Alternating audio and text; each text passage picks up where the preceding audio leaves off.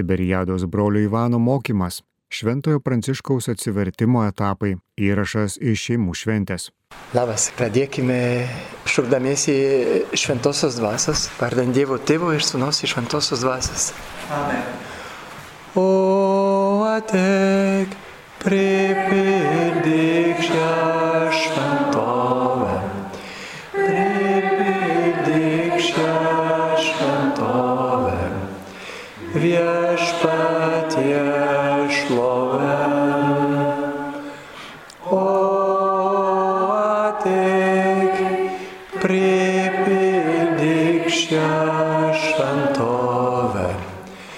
Pripildyk šią šventovę. Viešpatie šlovę.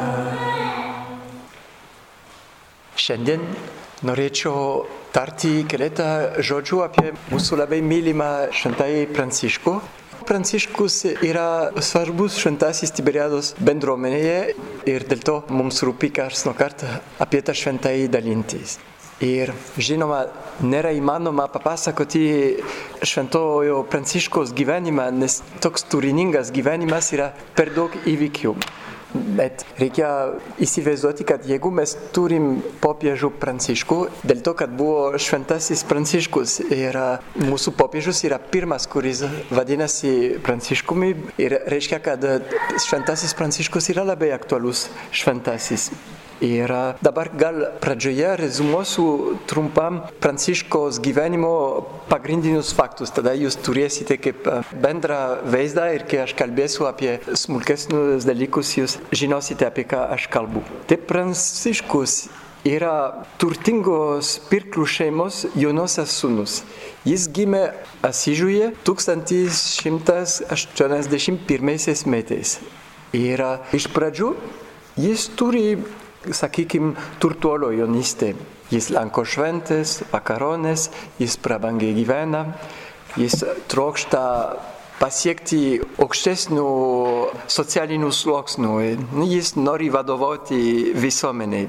Bet tuo pačiu metu nu, jis yra ir paauglys, 16-17 metų ir tuo pačiu metu jis nieko nedaro, kad pasiektų šitą aukštumą. Jis labai paviršutiniškai ir tinginystėje gyvena. Bet vėliau jis subrės ir tarnaus kairuomenėje. Ir tarnaudamas kairuomenėje galim sakyti, kad jis pradeda siekti aukštesnės garbės. Bet dėja jo ryterio nuotykiai kelis kartus blogai baigėsi patenka į kalėjimą, susirga, kol jo tėtis sumoka išpirką už jo išlaisvinimą, arba kitą kartą jis irgi leidžiasi karą, bet galų gale pabėga nuo kariuomenės. Bet nuo šiol gal jam naujas kelias atsiveria. Pranciškus ima susibendrauti su apleistaisiais ir ypač su ropsuotaisiais. Ir kai jis su jais bendroja, jis ne tik dalina išmaldas, bet jis gyvena su jais, juos logo ir taip toliau. Ir Pranciškus pats sakys gyvenimo pabaigoje, kad kas jam buvo pradžioje labai kartu, jam palengva tampa miela ir saldu gyventi su šiais ropsuotaisiais. Tai tuo metu Pranciškus pasidaro pamaldus. Užeina į bažnytėlės, pasitraukia nuo šaliai kalnus ir olas ir kartą, melzdamasis prieš Šventojo Damiono kryžių, išgirsta tokį balsą sakantį, eik ir atstatyk mano grūnančią bažnyčią. Ir kažkaip, nežinau kokiu būdu, nes manęs nebuvo, bet Pranciškus išgirdo iš tų melzdamasis prieš šitą kryžių tą sakinį, eik ir atstatyk mano grūnančią bažnyčią. Tada Pranciškus virsta statybininku. Ir ta įvykių seka prie ropsuotųjų, po to atstatyti bažnytėlės ir taip toliau, jį veda visiškai kitaip gyventi. Nebesiekia aukščiau su socialiniu viršūniu, bet pasidaro mažesnojų ir visų žmonių ir kūrinių brolių. Ir būtent Pranciškus yra kaip broliška būtis, palaiko ryšį su visokiais žmonėmis jos suteikina. Bendroja ne tik tai su paukštėliais, jūs žinot, kad Pranciškus yra paukštėlių draugas, bet irgi su vilkais ir su panašiais plėšriais žvėrimis. Yra daug tokių istorijų. Bet kad įvyktų Pranciškos gyvenime šis platesnis bendravimas, reikia, kad jis griežtai ir skaudžiai atsiskirtų nuo šeimos bei tėčio. Nes Pranciškaus šeima buvo pilna ambicijos ir šeima nepritarė Pranciškaus keliui. Ir kai Pranciškus atsiskiria nuo šeimos, tada pirmieji broliai prisijungia prie jo. Tai tarsi jis atsisako vienos šeimos ir gauna kaip antrą šeimą. Ir kartą, dalyvaudamas mišiuose ir išgirdęs dienos evangeliją, tą sakinį, nieko neimkite keliui, nei diržo, nei pinigų, aš jūs siunčiu kaip eriukus tarp vilkų. Tai yra, kai Jėzus siunčia savo mokinius į misiją. Ir tada Pranciškus sušunka, štai mano pašaukimas eiti pas žmonės, skelbti Evangeliją ir nieko be pinigų, be jokių saugumų. Ir tada dar plečiasi bendruomenė ir Pranciškus eis susitikti popiežius, kad jisai patvirtintų jų naują gyvenimo formą. Ir vėliau Pranciškus bendruomenės dar sparčiau plečiasi. Nu, kai Pranciškus mirė, jis turėjo 5000 brolių. Reikia įsivaizduoti, nu, jeigu Baltiškėse mes būtų jau šimtas, būtų fantastiška, bet čia 5000 brolių buvo kaip stiprus įvykis misijos vyksta labai toli iki šventosios žemės, bet iš tikrųjų, kai tu turi didelę bendruomenę, kelia ir daug rūpešius. Visą tai, kas auga per greitai, sunku vadovaujama. Ir Pranciškus yra priblokštas. Ir galų gale jis atsistatydina nuo ordino vadovavimo ir jam irgi prastėjant sveikatai ir dviejai metai prieš mirtį jis dar bus stigmomis pažymėtas. Tai Kristus žaizdomis jo kūne. Ir 1226 metais jis iškelioja Napilinį ir visiškai susiteikęs ir ramybėje.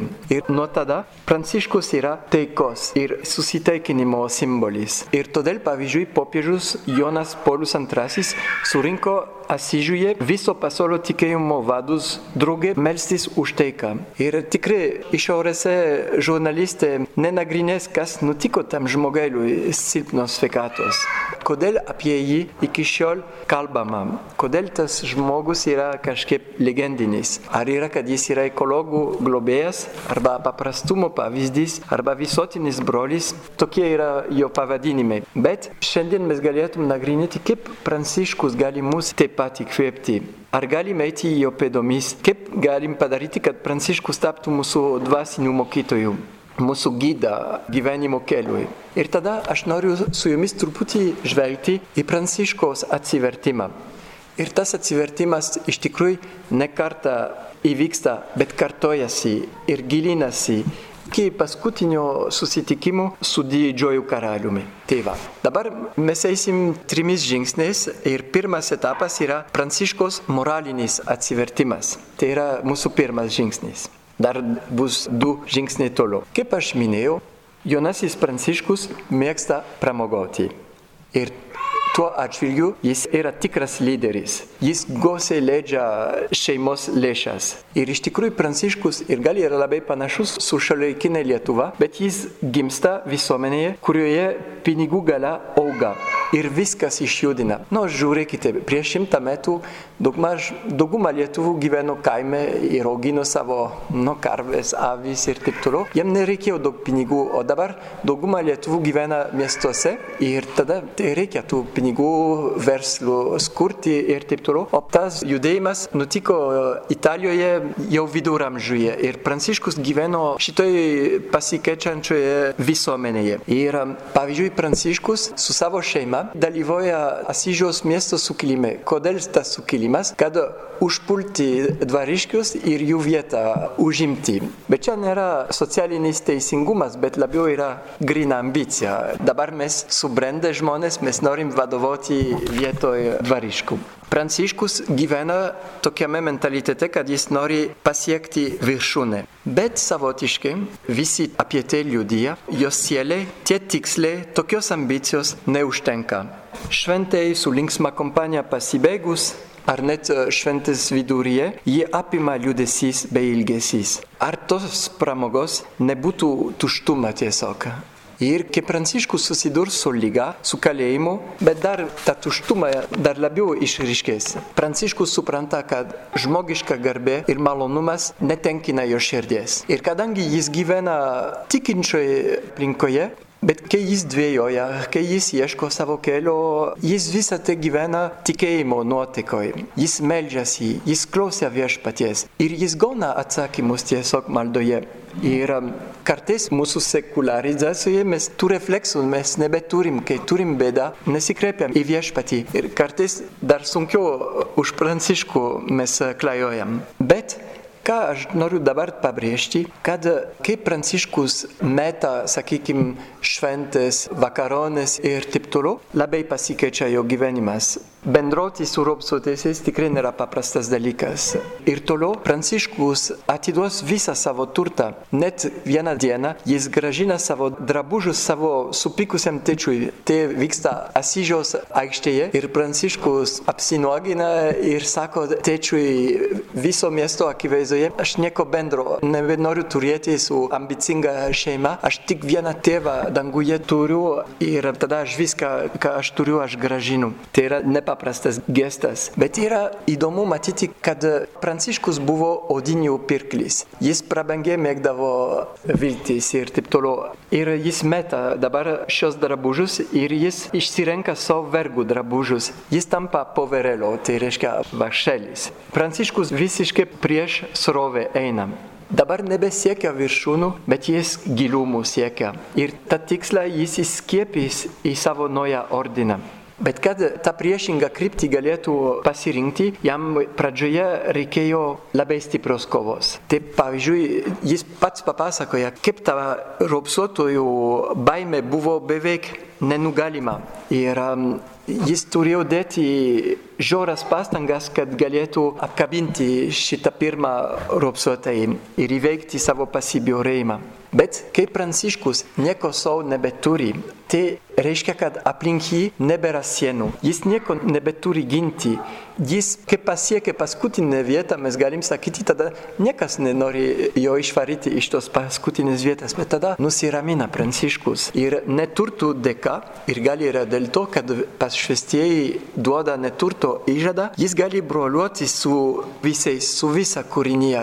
Nes, nu, kai tu labai turtingas, tau reikia alarmos uh, namuose, tau reikia, nežinau, tu visada tu bijai, kad nebankrutuotų tavo verslas ir taip toliau. Bet kai tu nieko neturi, už tai, kad tu viską esi atidavęs, tu labai ramus gyveni ir Pranciškus šitaip gyvena. Tai yra viena Pranciškos atsivertimo pusė. Labai konkretus moralinis apsivalymas. Reikia kažką išmesti, nuodėmę, egoizmą. Reikia kažką iškirsti, blogus įpročius. Reikia veiksmų, sprendimų, pasiryžimų. Ir visą tai daro Pranciškus. Bet kas yra gražu, kad šitas darbas neištrina Pranciškos prigimties ir charakterio. Pavyzdžiui, Pranciškus buvo vakarėlių mėgėjas, bet dabar jis kitokio džiaugsmo dalintojas. Jis groja ir šoka viešpačiui. Jis norėjo kompanijos. Jis yra dabar visuotinis brolis. Jis norėjo būti riteriu, dabar jis yra aukščiosiojo pasiuntinys. Norėjo rūmose viešėti, bet ponia gamta yra jo prieglobstis ir buveinė. Žvaigždynas yra jo mėgamojo lubos. Visą tai galim sakyti, kas yra žmogiška, yra pranciškuje išaukštinta, atmenyta, taip transformuota. Nėra, kad Dievas meta tavo prigimtį, bet jis ją pakeičia ir tobulina. Ir aš norėčiau pabrėžti, net tavo žaizdas jis gali patobulinti. Nes aš sakiau, kad kai pranciškus buvo vakarėlių dalyvis ir taip toliau, kartais jį apimdavo liūdėsis. Nu, pranciškus turi pakilimų ir nuosmukių.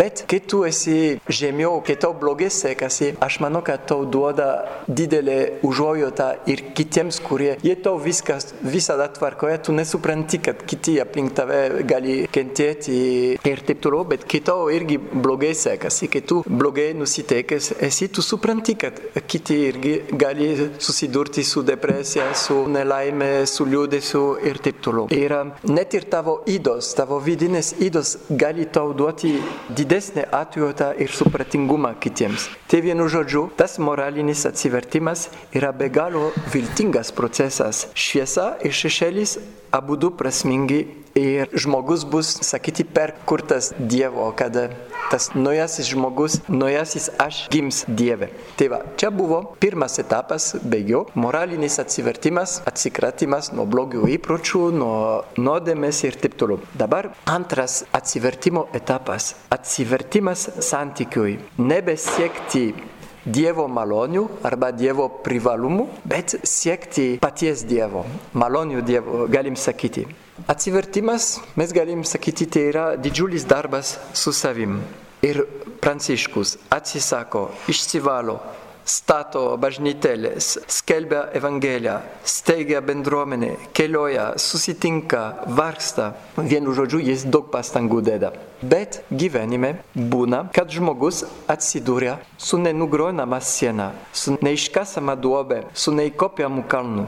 Tu gali dėti daug pastangų būti geresnis, bet vis tiek savo ribotumo, savo pažeidžiamumo tu negali atsikratyti. Ir Pranciškus, norėdamas būti mažesnysis, varšas neatsisakė ribotumo. Ir pati jo sveikata buvo ribotumo mokykla, nes kol jis pateko į kalėjimą, bet jis susirgo kalėjime ir visą gyvenimą jis bus labai silpnos sveikatos. Bet kito tavo sveikata taip yra prasta, bet tu iš karto supranti, kad nesi visagalis. Bet kas yra svarbu, kad pritarimas žaizdoms leidžia priimti sužeistuosius. Ir vienas šiuolaikinis dvasininkas, pranciškonas, prancūzas Eloi Leclerc, jis papasakoja, kaip pranciškus yra užjaučiantis žmogus. Ir jis kuria fiktyvinį dialogą tarp pranciškaus ir Leono. Yra abu du broliai. Ir tas dialogas yra visiškai to pranciškono išgalvotas, bet jį skleidžia labai gražią tik tikrovė, koks žmogus yra Pranciškus ir kaip jis moka paguosti, liūdinti brolį. Ta scena vyksta gamtoje. Pranciškus ir Leonas eina palei labai gražią versmę, labai skaidrą versmę. Ir Pranciškus, žinoma, jis šlovina viešpatį, ačiū viešpatį už gamtos grožį, už saulėtekį ir taip toliau. Bet staiga jis mato, kad Leonas yra visiškai nuliūdęs. Nu, Leonas užsidaręs žiūri į žemę ir taip toliau. Ir Pranciškus klausia, bet kas tau, kas tau nutinka, kodėl tu liūdnas? Ir tada Leonas sako, nu, kai aš regiu tą tyrą vandenį, man yra liūdna už tai, kad mano širdis netokia tyra kaip šitas vanduo. O tada Pranciškus klausia toliau. Dabar aš skaitysiu iš knygos iš kartą dialogą, nes bus gražu. Pranciškus klausia, ar žinai, broli, kas yra širdies tyrumas? Na, vadinasi, neturėti kaltės dėl kurios galėtum savo priekaištauti, nedvėjodamas atsakė Leonas. Ha, tuomet suprantu tavo liūdėsi, tarė Pranciškus, juk visada yra dėl ko save kaltinti. Taip, atšovė Leonas. Ir tai verčia mane nusiminti, kad kada nors pasieksiu širdies tyrumą. Ak, broli Leone, patikėk, tarė Pranciškus. Nesijodink dėl savo sielos tyrumo, atsigręžk į Dievą, žavėkis jo džiaukis, kad jis visas šventumas, jam dėkok už jį patį. Štai ką reiškia, brolo, turėti tyrą širdį. Taip atsigręžęs į Dievą, nežiūrėk atgal į save, neklaus savęs, kokioje padėtyje esi Dievo akise. Liūdėsis dėl to, kad nesi tobulas ir dėl to, kad atrandi, jog esi nusidėjėlis, tai vis dar yra žmogiškas jausmas, pernelik žmogiškas turi pakelti žvilgsnį aukščiau, daug aukščiau. Yra Dievas, Dievo neapriepiamybė ir jo nekintama didybė. Tyra širdis yra ta, kuri niekada nenustoja garbinti gyvojo ir tikrojo viešpaties. Ji giliai domisi pačiu Dievo gyvenimu ir geba tarp visų negandų virpėti amžinojo nekaltumu ir amžinojo Dievo džiaugsmu. Tokia širdis yra apnuoginta ir išsipildžiusi. Užtenka, kad Dievas būtų Dievas. Būtent tame jie randa visą savo ramybę ir malonumą. Ir pats Dievas tada yra visas jos šventumas. Tačiau Dievas reikalauja iš mūsų pastangų ir ištikimybės, pastebėjo Leonas. Taip, be abejo, atsakė Pranciškus. Tačiau šventumas nėra savęs išpildymas ar pilnatvė, kurią suteikiame patys savo. Pirmiausia, tai yra tuštuma, kurią žmogus priima ir kurią Dievas ateina užpildyti tiek, kiek žmogus atsiveria jo pilnatvei. Mūsų niekas, jei jį priimame, tampa laisva erdvė, kurioje Dievas vis dar gali kurti. Štai ką reiškia turėti tyrą širdį. Tačiau šio tyrumo neįmanoma pasiekti ginklų ir įtempimų. Kaip tu tai darai, paklausė Leonas. Tu tiesiog privalai nieko nelaikyti savo. Nuvalyk viską, net ir šį aštrų mūsų kančios suvokimą. Atvėsink savo sielą, susitaikyk su tuo, kad esame varšiai, atsisakyk visko, kas sunku, net savo kalčių svorio, matyti tik viešpaties šlovę ir leisti, kad ji spinduliuotų mums, Dievas yra ir to pakanka. Tada širdis tampa šviesi, ji nebejaučia savęs, kaip vyturys apsvaigęs nuo erdvės ir melinos spalvos.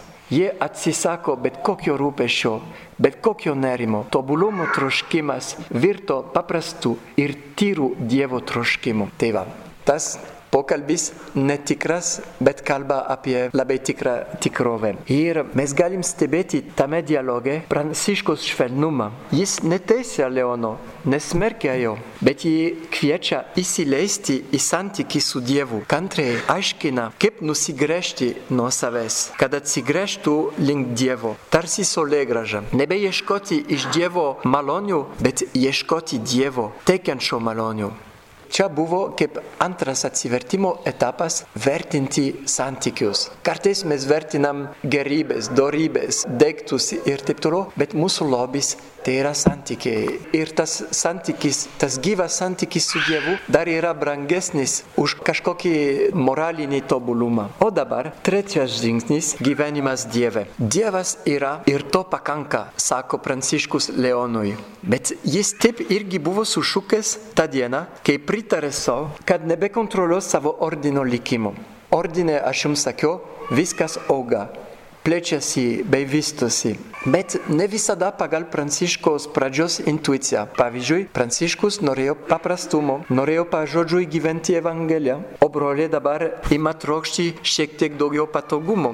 Ne, jie yra penki tūkstančiai, kai kurie jų nori patogumo, ar ne? Panašėti su kitais ordinais. Ir ta nuotaika jau buvo Izraelio tautoje, kai kartą tautas skundėsi prie pranašo Samuelio, mes norim būti kaip kitos tautos ir turėti savo karalių. O dabar pranciškonai sako, mes norim būti kaip kiti ordinai, nu turėti vienuolyną, studijuoti, kaip pasiekti atsakomybės bažnyčioje ir taip toliau. Ir čia visą tai labai nuvilia pranciškų jam skamba kaip išdavystė. Nu, kur yra pradžios paprastumas, kur yra tas džiaugsmas gyventi Evangeliją ir taip toliau. Nebėra ištikimybės, nebėra paprastumo ir taip toliau. Nu, kaip seniais gerais laikais, ar ne? Ir Pranciškui yra labai liūdna ir su versmais ir dejonėmis jis šaukėsi viešpaties. Ir kol iš viešpaties sulaukia tokio griežto atsakymo, varšas žmogelį, ar dėl to, kad tave pastačiau kaimenės galvą, kad to valia užmiršti, kad kad pats esu kaimenės pagrindinis ganytojas, ar tai tavo ar mano darbas. Kam to nerimauti? Ir tas pranciškonų ordinas nėra tik šventojo pranciškos kūrimas, bet yra Dievo valia. Tai jeigu Dievas kažko nori, Dievas ir globos ir prižiūrės, tada pranciškus sušunka, tu esi ir to užtenka. Tai va, kaip jis vėliau pasakys Leonui. Ir um, pranciškus pasiduoda, bet gerąją prasme ir nusileidžia. Ir kai žmogus Dievo akivaizdoje pasiduoda, tai yra radikaliosios pasikeitimas, kai Dievas žmogaus gyvenime perima iniciatyvą, perima vairą, galim sakyti. Aš priimu Dievą savo mašinoje, bet pats noriu važiuoti, pats noriu kontroliuoti kryptį, Dievas gali kaip GPS mane truputį patarti, bet vienu metu aš galiu irgi atiduoti vairą Dievui ir jis pats mane veda, kur nusprendžia. Pranciškus tam pritarė. Ir kai tu pritari, kad Dievas vadovautų tavo gyvenimą, tada tu gyveni ramybėje ir džiaugsme. Nors gyvenimas yra toks pats su džiaugsmais, sunkumais ir ribotumais. Bet tas žmogus yra, galim sakyti, kontemplatyvus. Nereiškia, kad jis turi apreiškimus, kad jis daro stebuklus ir taip toliau, bet jis, jis visame kame regi Dievą. Ir tas Dievas nebėra objektas, kuris stebimas, nebėra teisėjas, kuriam paklūstama, nebėra veistas, kuris geriamas, bet mylintis esatis, kurios akivaizdoje žmogus pasilieka. Ir Pranciškus dabar moka gyventi to Dievo akivaizdoje. Ir jam galim sakyti, kad išsipildo Šventojo Paulius šauksmas. Tai nebe aš, o Kristus gyvena manyje. Aš pasakiau, kad Pranciškus gyvenimo pabaigoje yra pažymėtas stigmomis ir tos stigmos yra ženklas, kad tikrai Kristus dabar gyvena Pranciškuje. O kad Dievas ir mumise gyventų, kad nebus stigmų mes neturėsim, bet kaip mes galim giliau ir stipriau priimti Dievo akivaizdą mūsų gyvenimuose. Bet aš manau, kad kartais gyvenime ne tik reikia atsiversti, bet reikia irgi pritarti. Pavyzdžiui, viešpatie. Ta situacija tokia skaudi, ta nesąmonė manie, tokia gėdinga, visa tai yra. Ir aš negaliu mesti, aš negaliu atsikratyti. O viešpatie, tu ir esi. Viešpatie, tavyje visa tai gali būti.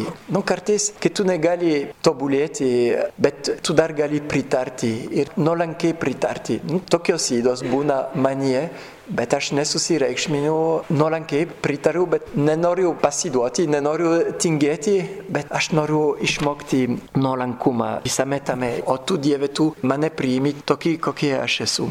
Ir jeigu ta malda sugeba viešpatie, aš esu toks, o tu taip pat esi. Ir visa tai gali būti tavyje, bet laimingi, jeigu mes galim tarti tokią maldą ne tik žodžiais, bet visą gyvastimim. Bet dar papildomą trumpą patarimą pridėsiu, kad galėtum save priimti tokius, kokie mes esame. Kartais reikia į savo skausmą, į savo gėdą, į savo rūpestį įsileisti bendražygį. Tas bendražygis gali būti dvasininkas, gali būti terapeutas, gali būti patikimas draugas, gali būti ir sutuoktinis ar sutuoktinė.